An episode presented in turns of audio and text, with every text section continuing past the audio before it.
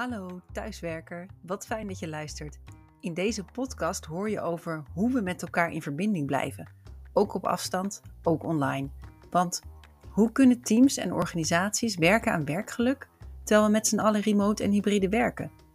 Elke week spreek ik met experts op het gebied van tools, technieken en werkvormen. Mijn naam is Jasmijn Mioch en ik ben de gelukkige thuiswerker. Als facilitator van online sessies zie ik in de praktijk dat het kan jezelf zijn, bevlogen zijn, een team zijn, ook in online tijden. Welkom bij de Gelukkige Thuiswerker.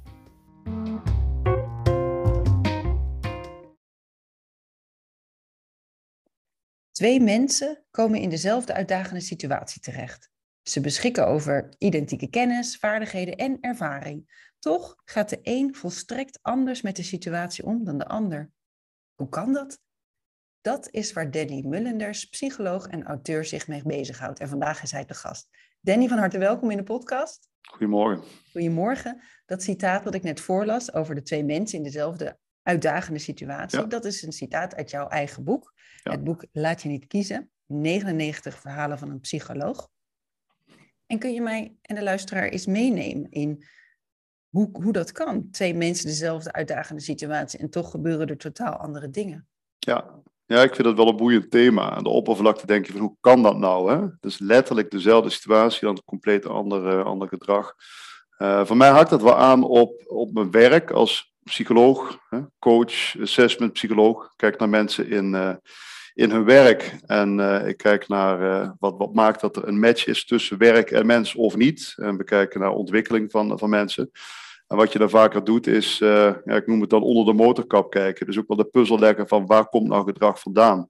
Aan de oppervlakte uh, zie je iets uh, en dat komt wat mij betreft ergens vandaan. Bewust of onbewust is dat, um, ja, kijk naar karakter, kijk naar drijfveren, kijk naar identiteit. Mogelijk ook termen die jij uh, goed, goed kent vanuit jouw achtergrond. dus ik vind het mateloos boeiend om te, ja, te kijken, te analyseren, feedback te geven, dingen terug te koppelen op wat, wat maakt nou dat dat, dat gebeurt. En ik, uh, soms dan vergelijk ik mensen wel eens oneerbiedig met een ui. In de zin van die ui, die kun je wat, wat afpellen. En aan de buitenkant zit de omgeving. Uh, en wat meer aan de binnenkant, aan de rand zou je kunnen zeggen, het gedrag en vaardigheid. Dan pel je wat verder door. Daar kom je op drijfveren, persoonlijkheid, uh, identiteit, wat ik net ook noemde, uit. En ja, er zijn verschillende redenen voor het gedrag dat mensen laten zien. De een wordt wat meer getriggerd door, uh, door context, door een baas die niet al te vrolijk is. Ja, en de ander die, uh, die heeft van nature niet de aanleg om, als je blijft bij vrolijkheid, om optimistisch naar de dingen te kijken. Die scoort wat hoger op emotionele instabiliteit in in ons assessment of in de coaching. En het, het, ik raad me even door. Uh, ja, hier, het, het, het mooie vind ik dan uh, dat je ja, afhankelijk van waar dat gedrag vandaan komt, hè, zit het meer aan de oppervlakte. En is het bijvoorbeeld onhandigheid en weet iemand niet dat hij dat gedrag laat zien, ja, dan kun je daar heel leuk mee puzzelen met iemand. En dan kun je iemand ook wel van, uh, noem het onbewust, onbekwaam, best goed naar bewust bekwaam brengen. Ja, Terwijl... allemaal termen die inderdaad voor psychologen heel bekend zijn. We vertelden net al even aan elkaar in het voorgesprek, jij bent psycholoog van huis uit, ik ja. kom uit de politieke psychologie. En dan is het natuurlijk waanzinnig interessant om te kijken naar persoonlijkheden. En ja. dat is ook wat jij doet. Ja. En als je nou twee mensen bij, bij je komen, bij jou in de coachingspraktijk bijvoorbeeld, en de ene zegt dat thuiswerken, om maar even het thema van de podcast aan te halen, ik word er helemaal net er gek van. Ja. En de ander zegt dat thuiswerken, dat vind ik fantastisch. Ja. Wat zie jij dan gebeuren? Ja, uh, ja dan, dan, dan zet ik toch al heel snel, dat doe ik onbewust, de persoonlijkheidspsychologische bril op. Dat is ook wel mijn achtergrond. Dus kijken naar de mens en hoe verhoudt hij zich tot waar die onderdeel van is. Uh, ja, en wat ik dan zie, uh, neem de Big Five van persoonlijkheid. Misschien kennen de luisteraars die, die ook. He, dus vijf redelijk stabiele karaktertrekken over tijd. Je wordt er niet helemaal mee geboren, maar het is wel iets wat, uh, ja, ja, wat jou eerder... daar eens iets meer over. Ik denk dat, mensen dat wel heel leuk vinden. Ah, oké. Okay. Ja, ja, heel goed. Uh, dus, dus je kunt mensen typeren aan de hand van, van vijf redelijk stabiele eigenschappen. Uh, denk aan emotionele stabiliteit, die noemde ik net. Dus de een is wat kalmer, wat rustiger, wat evenwichtiger van aard. Aan de andere kant van het spectrum zit degene die heel alert en mogelijk ook onrustig is, die zich snel zorgen maakt en uh, aan de stand van de dingen kan balen. Uh, openheid. openness to experience wordt het wel in het Engels genoemd. Dus sommige mensen zijn heel nieuwsgierig, uh, gaan altijd op zoek naar de nieuwe dingen. Terwijl anderen veel meer hangen aan houvast en structuur en de bekende zaken. Passen daarmee ook veel meer in wat meer beheersmatige rollen en functies. Um, agreeableness in goed Engels, ofwel inlevingsvermogen, empathie wordt aan gekoppeld. De een is vooral bezig met uh, hoe zitten anderen in elkaar, hoe kan ik daarop aanhaken. Als je daar een doorschiet, zou je een pleaser uh, genoemd kunnen worden. Aan de andere kant van het spectrum zit degene die vooral heel zakelijk, uh, doel- en resultaatgericht kijkt en wat meer de inhoud en het resultaat van werk voorop stelt en wat minder de mens. Um, hebben we er vier gehad, volgens mij? Ja, we hebben er drie, dacht ik, als ik oh, goed tel. Maar ja, we steeds op het spectrum. Oh dus, ja, ja, ja. We hebben het gehad over stabiliteit, ja. over open zijn, nieuwsgierig zijn. En de derde waar je net over had. Ja, dat is die agreeableness, dat inlevingsvermogen. En vier en vijf, uh, ja, het zijn wat zware woorden, hè, maar conscientieusheid en uh, introvert-extravert. Conscientieusheid heeft te maken met ben je vooral heel nauwgezet en regel je de dingen tot in de puntjes ten opzichte van uh, ja, de mensen die dingen wat meer op schatten afkomen. Ook beide kanten hebben voor- en nadelen. Hè. Degene die te ver doorschiet in details, die kan de hoofdlijn missen. Terwijl degene die vooral heel pragmatisch is, ja, dat wordt iemand die ook wel wat chaotisch en wat uh, ongeorganiseerd kan, uh, kan zijn. Ja, ja dan ik denk je... dat veel luisteraars zich misschien wel herkennen in deze vijf basale persoonlijkheidskenmerken dan wel aan de ene kant van de schaal aan de andere kant. Mhm. Eerder heb ik mensen hier te gast gehad in de podcast, bijvoorbeeld uh, Onno Hamburger, de grondlegger van werkgeluk in Nederland. Ja. En ik vroeg hem, kunnen deze persoonlijk, hij zei persoonlijkheid is een belangrijk aspect voor werkgeluk. En ik mhm. zei, oké, staat die persoonlijkheid dan vast of kun je dat veranderen gedurende de mhm. tijd? Toen zei ja, dat is een hele goede vraag. Ja. En het kan veranderen. We dachten altijd, het staat soort van vast. Dit is de set die je hebt gekregen bij je geboorte. En daar zul je het mee moeten doen. En inmiddels, heb ik begrepen, zijn de inzichten veranderd. Hoe, hoe, kijk jij daar tegenaan, Danny? Ja, ik ben toevallig een mooi boek gaan lezen. Ik ben het schrijver even kwijt. Het boek heet Homo Plasticus. Met andere woorden, de, de plastische mens. Met andere woorden, de veranderbare mens. En dat haakt wel heel erg aan op hoe ik naar mensen kijk, uh, kijk. Dus in die zin, ik ben geen determinist. Ik zeg niet dat het leven en de mens vast ligt. Ik heb, het is ook wel een beetje hoop trouwens hoor. Dus het is niet helemaal gefundeerd in, uh, in, wetenschap. Maar ik hoop zo graag dat mensen stappen kunnen zetten in hoe ze naar zichzelf kijken, hoe ze zich tot de wereld verhouden. En dat maakt ook dat de dingen wat uh, veranderbaarder kunnen zijn. Ik zie trouwens, die hoop die klopt ten dele wel in mijn coachings. Dat ik echt zie dat mensen bijvoorbeeld kunnen opschuiven in minder zelfkritisch worden. Dus sommige mensen leggen de lat altijd super hoog. Daar, uh, daar gekoppeld zie je een stuk perfectionisme. Uh, en als mensen anders leren kijken, hè, andere overtuigingen leren hanteren naar zichzelf en naar anderen toe, dan zie je mensen er echt wel aan opschuiven. Dus wat mij betreft is het niet zozeer dat persoonlijkheid structureel verandert, maar door anders naar de dingen te kijken, ga je anders met zaken om en vertoon je ander gedrag. Dus in mijn beleving, de onderliggende persoonlijkheid is wel grotendeels zoals die is, maar ja, hoe je met jezelf en hoe je met de ander omgaat, dat kan wat, wat veranderen. Um, mag ik dan nog een vraag stellen daarover? Want uh, we hadden het natuurlijk over thuiswerken en dat mensen daar heel verschillend op hebben gereageerd. Mm uh, inmiddels zitten we natuurlijk niet meer in die keiharde lockdown en ik hoop dat die ook voorlopig niet meer komen. Ja. Maar stel je voor, we worden weer geconfronteerd met zo'n situatie dat we allemaal weer thuis achter het scherm moeten zitten verplicht. Ja. Uh, en de ene persoonlijkheid vindt haar heerlijk. Ik zelf soms vind het heerlijk, al ben ik best extravert. Ik hou ervan om uh, lekker in mijn eigen zone te werken en gefocust. En de ja. verbinding die vind ik toch wel via het scherm. En andere mensen zeggen, ik vind het helemaal niet prettig. Hoe, hoe kunnen we dan toch in die situatie waar je mee geconfronteerd, waar, waar je mee geconfronteerd wordt, mm -hmm. hoe kun je dan toch uh, ja, aan de slag eigenlijk? Ja. Ja, nou ja, stap 1, en misschien zeg je, Paul, wat een cliché, maar de oude Grieken zeiden het ook al, ken jezelf en daarmee ook ken, ken de ander. Dus snap een beetje wat een andere uh, aanpak, andere omgeving met mensen kan doen. En de ene persoonlijkheid, wat mij betreft, past beter bij thuiswerken dan de andere. En dat zal ook wel aanhaken op wat Onno verteld heeft. Ik ken niet tot op details een verhaal, maar wat ik hier in de praktijk zie hè, als psycholoog in mijn coachings, dat uh, je had het over introvert-extravert dat uh, overal gezien de meer introverte mens uh, het wat langer thuis achter het beeldscherm volhoudt dan de extraverte buitenwereldkarakters. De mensen die echt op uit willen en uh, dat ook echt nodig hebben.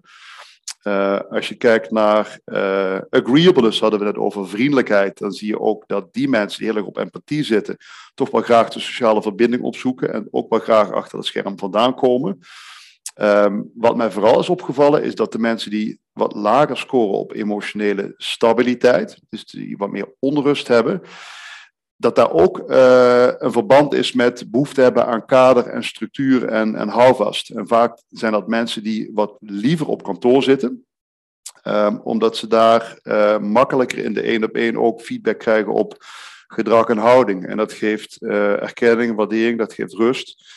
Dus vaak de minder stabiele mensen, die zie ik wat makkelijker ook ja, toch op kantoor blijven. Wat je nu zegt vind ik wel ontzettend interessant, want ik weet dat er veel mensen naar deze podcast luisteren die in HR werkzaam zijn, dus echt te maken hebben met, met collega's, met faciliteren van waar werk je nou, werkgeluk ook mee bezig zijn. Ja. Um, en als jij zegt persoonlijkheid is een deels maakbaar, maar er zitten gewoon elementen bij karakters van mensen die maken mhm. of je wel of niet prettig thuis werkt of op kantoor werkt. Hoe kunnen HR-managers of leidinggevenden nou rekening houden met die persoonlijkheden? Mhm. Als het gaat over wel of niet verplicht thuiswerken of op kantoor werken. Ja, ja als, je het, als je het vanuit persoonlijkheid bekijkt, dan, uh, dan is het goed, wat mij betreft, als je aan de poort, hè, als mensen binnenkomen, al kijkt van wie, wie is dit nou?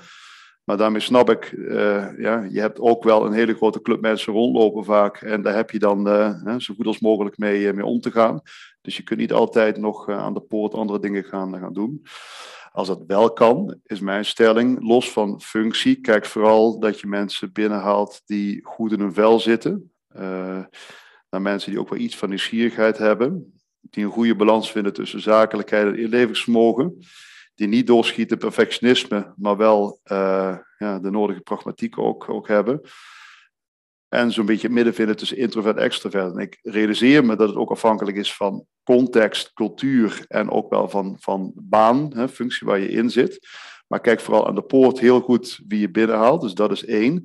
Want dat maakt ook dat uh, ja, de mensen die wat makkelijker op hol slaan als de situatie tegenzit, kijk ook weer naar dat stuk emotionele instabiliteit dat die, uh, ja, dat die wat makkelijker met verandering ook omgaan. Dus uh, ik vind het wel eens een ingewikkelde hoor. Want als ik dan bij organisaties roep, ik zie behoorlijk wat mensen hier rondlopen die van nature onrustig en zelfkritisch en niet zo makkelijk voor zichzelf en daarmee ook niet makkelijk voor anderen zijn uh, rondlopen. Ja, dan zegt die opdrachtgever wel eens van, ja oké, okay, en, en, nu? Dan? Ja, precies, en dan, dat zou ik ook dan, denken. Ja, en dan, dan zeg ik, ja, probeer dat op meerdere manieren te bekijken. Want je hebt niet voor niks, denk ik, mensen binnengehaald met vol bewustzijn. Dus je hebt ook wel de plus gezien van die karaktertrek. Want vaak zijn het ook mensen die uh, dus alert zijn, uh, die stipt zijn, die dingen tot achter de komma goed doen. Dus dat heeft. Ja, en wat... gewoon inhoudelijke experts zijn, want daar hebben we natuurlijk ook mee te maken in het werk. Ja, precies, klopt. Ja, of hele daar... mooie skills hebben. En, uh, ja. Ja, die, die, die, dat is ook wel een mooie invalshoek ook. Want daar zie je dat als de expert wordt binnengehaald, dat, dat heel vaak niet naar karakter wordt gekeken en vooral naar kennis en kunde. En op het moment dat die expert uh, ofwel in functie doorgroeit of wat, wat ouder wordt en uh, wat andere verantwoordelijkheden in de functie krijgt, ja, dan wordt dat stuk uh, emotionele stabiliteit, wat mij betreft, belangrijker. En ook wel, vaak wordt iemand binnengehaald op een hoge conscientieusheid. Dus heel goede focus op uh, details, prestatie gemotiveerd. Uh, geen acht uur per dag maken, maar, maar twaalf uur per dag maken. Terwijl later in de carrière wordt veel meer gekeken naar ontspanning, relativeren. Kun je wat meer vanuit, hè, mooie term, helikopterperspectief naar de dingen kijken.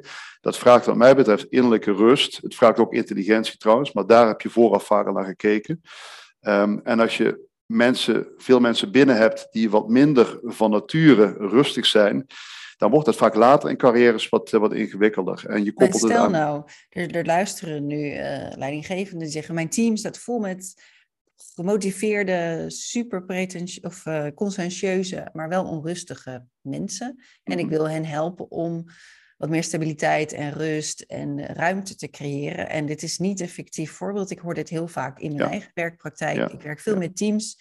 Mensen super gemotiveerd, echt kundig, super experts maar op zoek naar die balans, die rust, die ruimte, die helikopterview. Mm Wat kunnen managers, leidinggevenden dan doen voor hun team? Ja. ja, wat me daaraan ook wel eens opvalt, is dat ook die leidinggevende weer is doorgegroeid vanuit inhoud. En uh, zichzelf vaak ook niet heel goed kent. Dus ja, je zou kunnen zeggen, verbeter de wereld, begin bij jezelf. Leidinggevende, kijk eerst ook in, uh, in de spiegel en ga niet nu ben ik een beetje cynisch, maar ga niet meteen naar je teamgenoten wijzen dat zij dingen niet goed doen. Dus weet ook, roep wel eens vaker, betekenis ontstaat in de interactie. Dat je een aandeel hebt in, ja, in hoe anderen zich voelen en hoe ze zich gedragen. Ik heb donderdag een, een teamcoaching een eerste keer. En ik heb een intake gedaan met de opdrachtgever. En hele fijne vent volgens mij. En tegelijkertijd, die man rent voor de troepen uit, wil het graag heel erg goed doen. En die scoort ook wat hoger op agreeableness. Dat heeft zijn effect ook op anderen. Wat ik zie gebeuren en wat ik hoor, is dat anderen wat meer op de handen gaan zitten, wat luier worden, vooral de bal bij hem laten. En vervolgens baalt hij van zijn, zijn teamspelers, zoals ze heten. Uh, ja, dat ze niks doen. En we hebben daar wel eerst gesprek over gehad van, oké, maar hoe verhoud jij nou tot die anderen en wat heb jij te doen? Dat verhaal wil hij straks bij die aftrap bij de start als eerst ook brengen. En waarbij het ook een beetje balans... zichzelf. Ja, ja. ja Tegelijkertijd denk ik, ik vind ook wel een balans in, in hoe je kwetsbaar opstelt. Want het moet dan wat mij betreft geen huilpartij worden, maar laat iets zien van jezelf, waardoor de ander zich ook open gaat eh, opstellen. Ja, en dat is voor mij wel het vertrekpunt. Leidinggevende, uh, laat zien dat je jezelf ook snapt hoe je verhoudt tot anderen. Ja, dus dit is eigenlijk een, een, belangrijke tip uit deze podcast al. Ken jezelf, oh, dat zeiden de Grieken al. En ken vervolgens de ander en jouw interactie met de ander. Dus hoe je reageert op elkaar. Ja, ja, daar zit misschien nog wel de mooiste leerweg. We zijn allemaal onze persoonlijkheid en die kun je veranderen. Daar kun je anders mee om leren gaan. Maar het mhm. gaat vooral hoe we reageren in interactie met elkaar.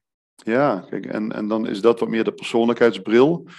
Ik denk ook jouw vakgebied is vooral hoe je kijkt naar de, de sociale interactie uh, tussen mensen. Daar, daar heb ik ook wel iets van uh, kaas van gegeten. En daar zie je dat uh, ja, bepaalde typische groepsprocessen ook, ook spelen. Hè? In de zin van als de leidinggevende zijn autoriteit gebruikt en maar hard oproept hoe hij de dingen wil, ja, dan is de kans vrij groot dat de rest daarin in volgt. En op het moment dat je veel met het beeldscherm werkt, en uh, er vindt wat minder interactie op persoonsniveau plaats, ja, dan, dan gebeurt er veel onder de tafel waarschijnlijk, uh, ook bij die mensen thuis. Alleen dat wordt dan minder benoemd, dat zie ik nu ook gebeuren, dan wanneer je elkaar fysiek ziet.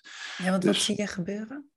Uh, nou, dat Teams of Zoom-sessies vooral heel inhoudelijk worden. dus dat we het weinig nog hebben over hoe verhouden we ons tot elkaar in het werk. Wat vaak ook wel een uitdaging is, ook als je elkaar live of fysiek ziet. Dus het wordt vrij feitelijk, het wordt inhoudelijk. Het is ook wel het comfort, zou je kunnen zeggen. Veel mensen vinden het ook wel prettig, dan hoeven we het niet over elkaar te hebben. Um, ja, en dat maakt wel, heb ik in coronatijd vooral gezien, dat teamleden, leidinggevenden en, en medewerkers elkaar echt wel kwijtraken. En dat ze elkaar daarna ja, dat kost het behoorlijk wat tijd en energie en inspanning om elkaar weer op te zoeken. Als je weer twee dagen of drie dagen in hybride vorm uh, uh, aan het werk bent. Ja, ja, zelf ben ik dus een heel gelukkige thuiswerker, zoals oh. de luisteraars zal weten. Mooi. Maar ik hou wel van die interactie. En ik vind het heel belangrijk om open te zijn en persoonlijke verhalen te delen. En mhm. juist ook online kun je daar tijd voor maken. En ik heb het al eerder in deze podcastreeks opgemerkt bij mezelf, dat soms die aandacht verslapt voor dat contact maken met elkaar. Want toen wij begonnen vandaag, we spraken elkaar deze ochtend. Wij vroegen aan elkaar, hoe zit je erbij? Hoe is je schema vandaag? Hoe voel je je? We kennen elkaar eigenlijk nog helemaal niet, maar toch even van... Waar ben je? Waar sta je? Hoe zit je erin vandaag? En dat probeer ik altijd te doen, ook bij online meetings. En soms lukt dat heel goed. Soms wordt het even vergeten en soms valt het niet goed. En daar zou ik wel je advies over willen hebben, Danny. Want hm. ik had laatst een uh, bijeenkomst van een team waar ik zelf onderdeel van ben. En het was ook check-in. Maar het voelde een beetje geforceerd en niet iedereen wilde meedoen. Mhm. Nou, dat ben ik natuurlijk helemaal niet gewend. Want ik denk, iedereen gaat enthousiast vertellen hoe je erin zit vandaag. Ja. En er zijn mensen hadden er op dat moment geen behoefte in aan en gingen meteen op de inhoud. En zou jij dan zeggen, laat deze mensen, ga maar even op de inhoud of nee, zorg toch dat je tijd maakt voor die connectie. Was je live aan de slag? Of je het was toevallig weer live. En ik denk niet toevallig, want daarom dacht ik... hé, hey, we zijn voor het eerst eigenlijk een lange tijd weer allemaal bij elkaar. Mhm. Hoe mooi is het als we echt even intunen op elkaar. Ja, ja, uitstekend. Volgens mij is dat een hele goede, goede start. En dat kan op heel veel manieren kan dat, uh, verlopen, wat je zegt. Hè. Uh, heel veel enthousiasme mensen die wat meer op afstand blijven, inhoud induiken, ik zie het ook wel, uh, wel gebeuren. Uh, wat ik zelf doe, is dat dat inchecken wel een, uh, een goede rol moet hebben. dus, dus stop daar tijd in. En als je merkt vanuit procesbegeleidersrol van... Mm, ja, ik was nu zelf onderdeel van het team, dus ik was niet oh, ja. procesbegeleider. Dat maakte hem ook een beetje anders. Ja, die is ook nog wel wat ingewikkeld. In ieder geval, ik vind dat zelf wel ingewikkeld. Als ik dan de procesbegeleider zie, dan vind ik daar misschien ook nog wel wat van. Hè? Dus dat is dan iemand anders. Jij bent onderdeel van het team. Maar goed, wat ik zou doen, um, ja, daar toch niet te lang bij blijven hangen. Niet meteen het spotlicht erop zetten, want dan heb je in de eerste tien minuten al behoorlijk wat... Uh, ja, wat spanning erop zit. Het kan vaak fantastisch goed werken en het kan de boel uh, loshalen. Maar ik zou eerder zeggen, ga wat doen. Ga iets ervaren met elkaar, ervaringsgericht werken en reflecteer dan op wat daar gebeurde. En koppel dan die ervaring aan die eerste paar minuten die je hebt meegemaakt uh, op, op die dag. Ja, uh, mooi. Ik vind het heel leuk dat je dat ervaringsgericht werken noemt, want daar ben ik zelf ook heel veel mee bezig de laatste ja. tijd. Ik werk veel met serious gaming, verschillende werkvormen, maar ook uh, fysieke spellen waar, waar je dan daarna kunt reflecteren op wat er gebeurde. Wat versta jij onder ervaringsgericht werken? Ja, ik probeer het. Mijn voorkeur, of in ieder geval mijn onbewuste voorkeurstijl, is om heel cognitief aan de slag te gaan. En dan gaan we elkaar bevragen. En dan, heel dan inhoudelijk, op... op de tekst, op de inhoud, de hersenen. Ja. Precies, en dat is ook mijn eigen ontwikkeling geweest. Om daar wat vanaf te stappen. Dat wel in mijn rugzak te houden. Te snappen hoe mensen aan elkaar zitten en hoe, hoe ze kunnen reageren. Maar vooral ook. Uh, ja, soms is het ook wel het opbouwen. Zoals donderdag, wat ga ik donderdag doen? Um, wat ik een aardige oefening vind, is we zijn met z'n vijftienen de vraag stellen uh, aan de eerste die 15. Zou je eens willen vertellen uh, iets over wat anderen waarschijnlijk niet over jou weten? En geef dat balletje door aan de volgende. Uh, vaak pakt iemand die bal, die dan best wel het lef heeft om dat ja, te benoemen. En met de met komen anderen ook wel los. Dus dan begin je cognitief, zou je kunnen zeggen. Maar tegelijkertijd leer je wel wat, wat meer over mensen en kan het je verrassen. En dat kan ook de, ja, de spanning wat eraf halen. Van, wat grappig dat ik dit nu in één keer over jou weet. Het is wel een leuke vraag, want mensen hebben zelf de regie over wat je vertelt. Wat ik bedoel, als ik nu denk, als je die vraag aan mij zou stellen, wat weten mensen niet over je? Dan kan ik vertellen, nou, mensen weten niet vaak dat ik nagelbijt, waar ik wel een beetje voor schaam, maar het is niet super heel erg. Hm. Het is wel misschien dat ik er ook nog wel eens van afkom. Maar dat is, dat, dan hou je het vrij veilig. Maar je kan ook iets heel anders of iets heel persoonlijks vertellen. Wat ik zelf in dit soort gevallen ook pas vertel. Zodat je niet van me weet is dat ik ben opgegroeid in een woongroep bijvoorbeeld. Dan ga je al wat meer in de diepte en dan dat soort dingen. Dus ik kan me voorstellen dat het een hele veilige vraag is. Ja. Waar mensen zelf de regie houden over hoeveel je deelt.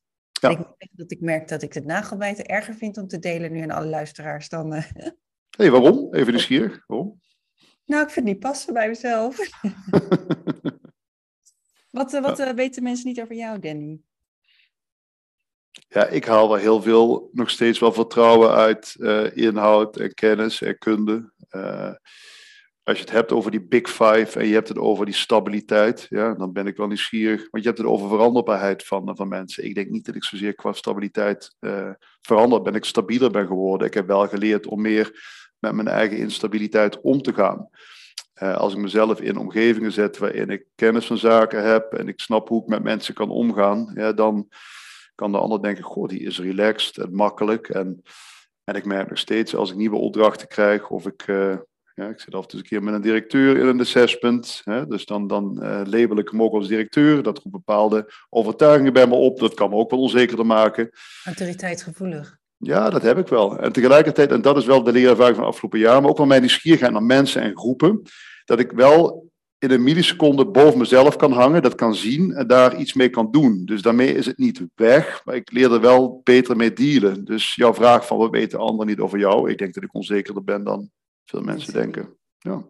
Dankjewel voor het delen. Ja, bij deze. We gaan eh, best wel snel door de tijd heen, merk ik, Danny. Veel te mhm. bespreken. En ik ben ook nog wel heel erg benieuwd naar de titel van jouw boek. Uh, het boek wat net recent is uitgekomen, Laat je niet kiezen. Ja. Ja. Dat is ook waar het allereerste citaat uit kwam, van de twee situaties en hoe je daarmee omgaat. Wat, wat heb je bedoeld met deze titel? Ja, het eerlijke, het allereerlijkste antwoord is, mijn uitgever heeft me ook wat geholpen. Dus die zei van, Danny, je hebt een commercieel slimme titel nodig. Nou, het heeft ook wel gewerkt. Hij heeft een tijdje ook uh, bij Managementboek op uh, nummer 1 gestaan. Een week lang, dacht ik. Uh, uh, ja, ik kom eigenlijk zelf op andere titels uit. Maar waar het voor mij om gaat, uh, misschien ken je een Jorine Becks, die heeft het over psychologische veiligheid. Uh, ja. Danny Mullenders heeft het over psychologische bewegingsruimte. Met andere woorden, er is altijd ruimte tussen hetgeen wat jou overkomt en hoe je daarop reageert. en op het moment dat je jezelf kent, je snapt, waar we het net ook over hadden, hè, je snapt de context waar je in zit, dan kan je ook deels je denken, voelen en doen sturen. En ook in mijn boek kom je bijvoorbeeld Viktor Frankl tegen, een uh, psychiater die in de Tweede Wereldoorlog ook in de kampen heeft gezeten, Joodse psychiater, die uiteindelijk met een, uh, ja, toch wel vind ik, geniaal inzicht kwam. Ook de Stoïcijnen hadden het daar eerder al over, maar hij heeft dat echt wel in een uh, wat nieuwe jasje gestopt. Hij zegt, je kunt de situatie waar je feitelijk in zit niet veranderen. waar je wel iets mee kan, is de houding daartoe. Je houding daartoe. Uh, dus op het moment dat je doorhebt dat je uh, niet speelbal hoeft te zijn van een uh, boze baas of van een collega die niet met jou ziet zitten en dat je op jouw manier erop kan reageren en niet verongelijkt hoeft te reageren en een vraag kan stellen bijvoorbeeld. Ja, het klinkt misschien wat kneuterig en wat, wat cliché, weet ik niet, maar het kan de wereld volgens mij iedere keer wat stapjes mooier en, en ook wel beter maken als mensen doorhebben waar ze onderdeel van, van zijn en dat ze op een eigen manier kunnen reageren. En dat is voor mij wel ook het vertrekpunt in coaching. We begonnen net met ja, hoe veranderbaar zijn, zijn mensen. Op, op uh, gedachte- en overtuigingniveau zie ik echt dat mensen ongelofelijke stappen kunnen zetten. En dat doet echt heel veel met, uh, met gedrag. Um, dus, ik zit te denken, ja. want die titel laat je niet kiezen. Ik zit nou een andere titel. Zou het dan niet uh, mooi kunnen zijn, wees niet de speelbal van je omgeving of zo? Dat dat, dat een beetje de, de inhoud ja, dat zit het wel. van, jou, van jouw gedachtegoed? Ja, daar zit het wel. Het is een beetje een abstracte titel. Mensen worden wel getriggerd van wat is dat nou? En het is, laat je niet kiezen door je eigen gedachten, door je eigen karakter, hè, dat meespeelt in situaties. Laat je niet kiezen door de manier waarop jij op die dominante leidinggevende reageert. Uh, hou op een ontspannen manier uh, regie. Dat is vooral het, uh, het idee. Mooi. Hou op een ontspannen manier de regie. Ik denk dat ja. onwijs veel mensen zeggen, ja, dat wil ik wel. Ja. En even, ik hou ook heel erg van praktisch. Hoe hoe kunnen mensen daar nou een stap in gaan zetten? Ja. Op een ontspannen manier de regie houden, ook al is de omgeving weer barstig of veranderlijk ja. of ingewikkeld. Ja, ja, het zit hem, en dat hebben we net al besproken, het zit hem in jezelf kennen en weten uh, wanneer iemand op de rode knop bij jou drukt en, en wanneer niet. Ook snappen waarom dat bij jou gebeurt. Als voorbeeld, uh, als iemand heel dominant naar je toe is en je scoort wat lager op emotionele stabiliteit, zo moet ik het zeggen, dan kunnen mensen de neiging hebben om te gaan vluchten. Dat is evolutionair ook wel te verklaren vanuit, uh, als die, die boze baas de tijger was duizenden jaar geleden, ja, dan was het nuttig om weg te rennen. Terwijl in het hier en nu, ons brein is ook wel wat mee geëvolueerd en nog niet helemaal, uh, zou een andere respons goed kunnen werken. Dus als je jezelf kent in de situatie waar je in zit, je weet wat de rode lappen zijn, hè, de rode doeken, en je kunt spelenderwijs, want je hebt jezelf dan wel iedere keer in die situatie te zetten, je kunt spelenderwijs daar iets anders mee leren omgaan, ja, dan maak je met en met centimeters en uiteindelijk meters. En soms is het ook zo praktisch als Weet dat je uh, mogelijk een pittig gesprek voor de boeg hebt. Weet ook dat je dat pittig anders kan framen in uitdagend. Dat klinkt als een woordenspel, maar dat kan wel helpen. En op... Ja, leuk dat je dat noemt over het framen. Ja, we gaan zo meteen, mag je iets in afmaken? Natuurlijk. Het framen is super belangrijk, want ik vertelde jou op voorhand dat ik afgestudeerd ben als politiek psycholoog. Mm -hmm. Ik heb nog niet verteld waarop specifiek, maar op het framen van boodschappen van de politiek dan richting de bevolking. Ah, ja. In dit geval. Maar dat is zo essentieel. Dus ik had in mijn uh, afstudeeronderzoek, mijn scriptieonderzoek laten zien dat je door een heel andere woorden, uh, een heel woordenpatroon te kiezen, mensen mhm. extreem kon beïnvloeden. En ik kon mensen op een onderwerp wat ze niet interesseerde, namelijk uh, het afschaffen van de provincies, kon ik mensen echt, de experimenteergroepen kon ik laten kiezen ja of nee. Ja. Alleen maar door bepaalde woordkeuzes te gebruiken. Ja, ongelooflijk hè? Het is, een mooie... Maar je kunt dus ook, je kunt niet alleen de kiezer beïnvloeden, je kunt dus ook jezelf beïnvloeden, zeg jij. Mm -hmm, exact, ja. ja en ik onderbrak daar... je midden in je opzomming, dus heb je, de, heb je de draad nog? Ja, ik, eh, ik heb hem wel. Ja, eh, je kunt het groots en mislepend aanpakken, je kunt het klein aanpakken. Hè. Je kunt zeggen van, uh, het is een leerpunt voor mij dat ik uh, heel snel in vluchtgedrag verdwijn. En dan kun je bij jezelf analyseren, hoe zit ik in elkaar? In welke context doe ik dat? Met welke mensen? Wat zijn mijn overtuigingen? En van daaruit ga je werken aan ander gedrag en, en oefen je in uh, de werkelijkheid. En daar gaat vaak behoorlijk wat tijd overheen.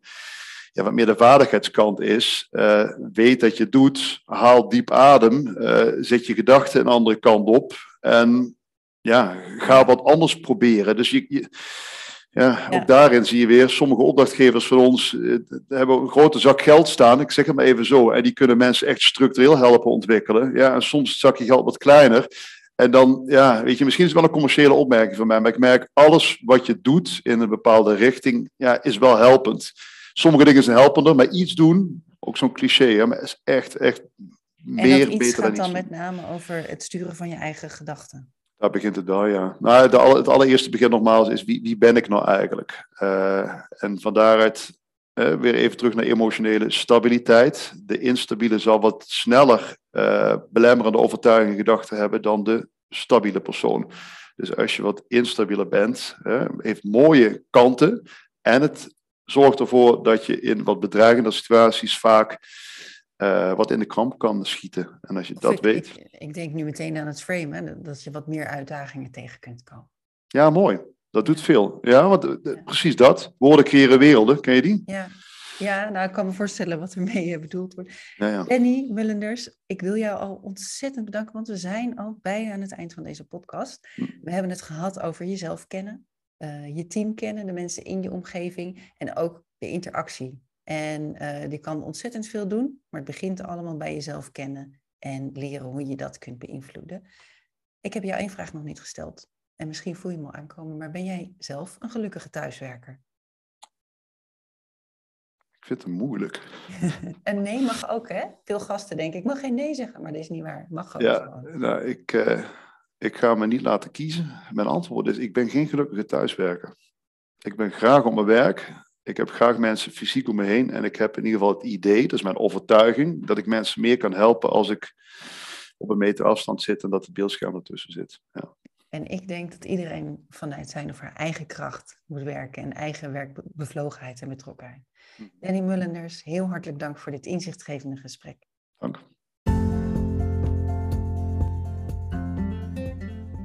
Dank je wel voor het luisteren naar De Gelukkige Thuiswerker.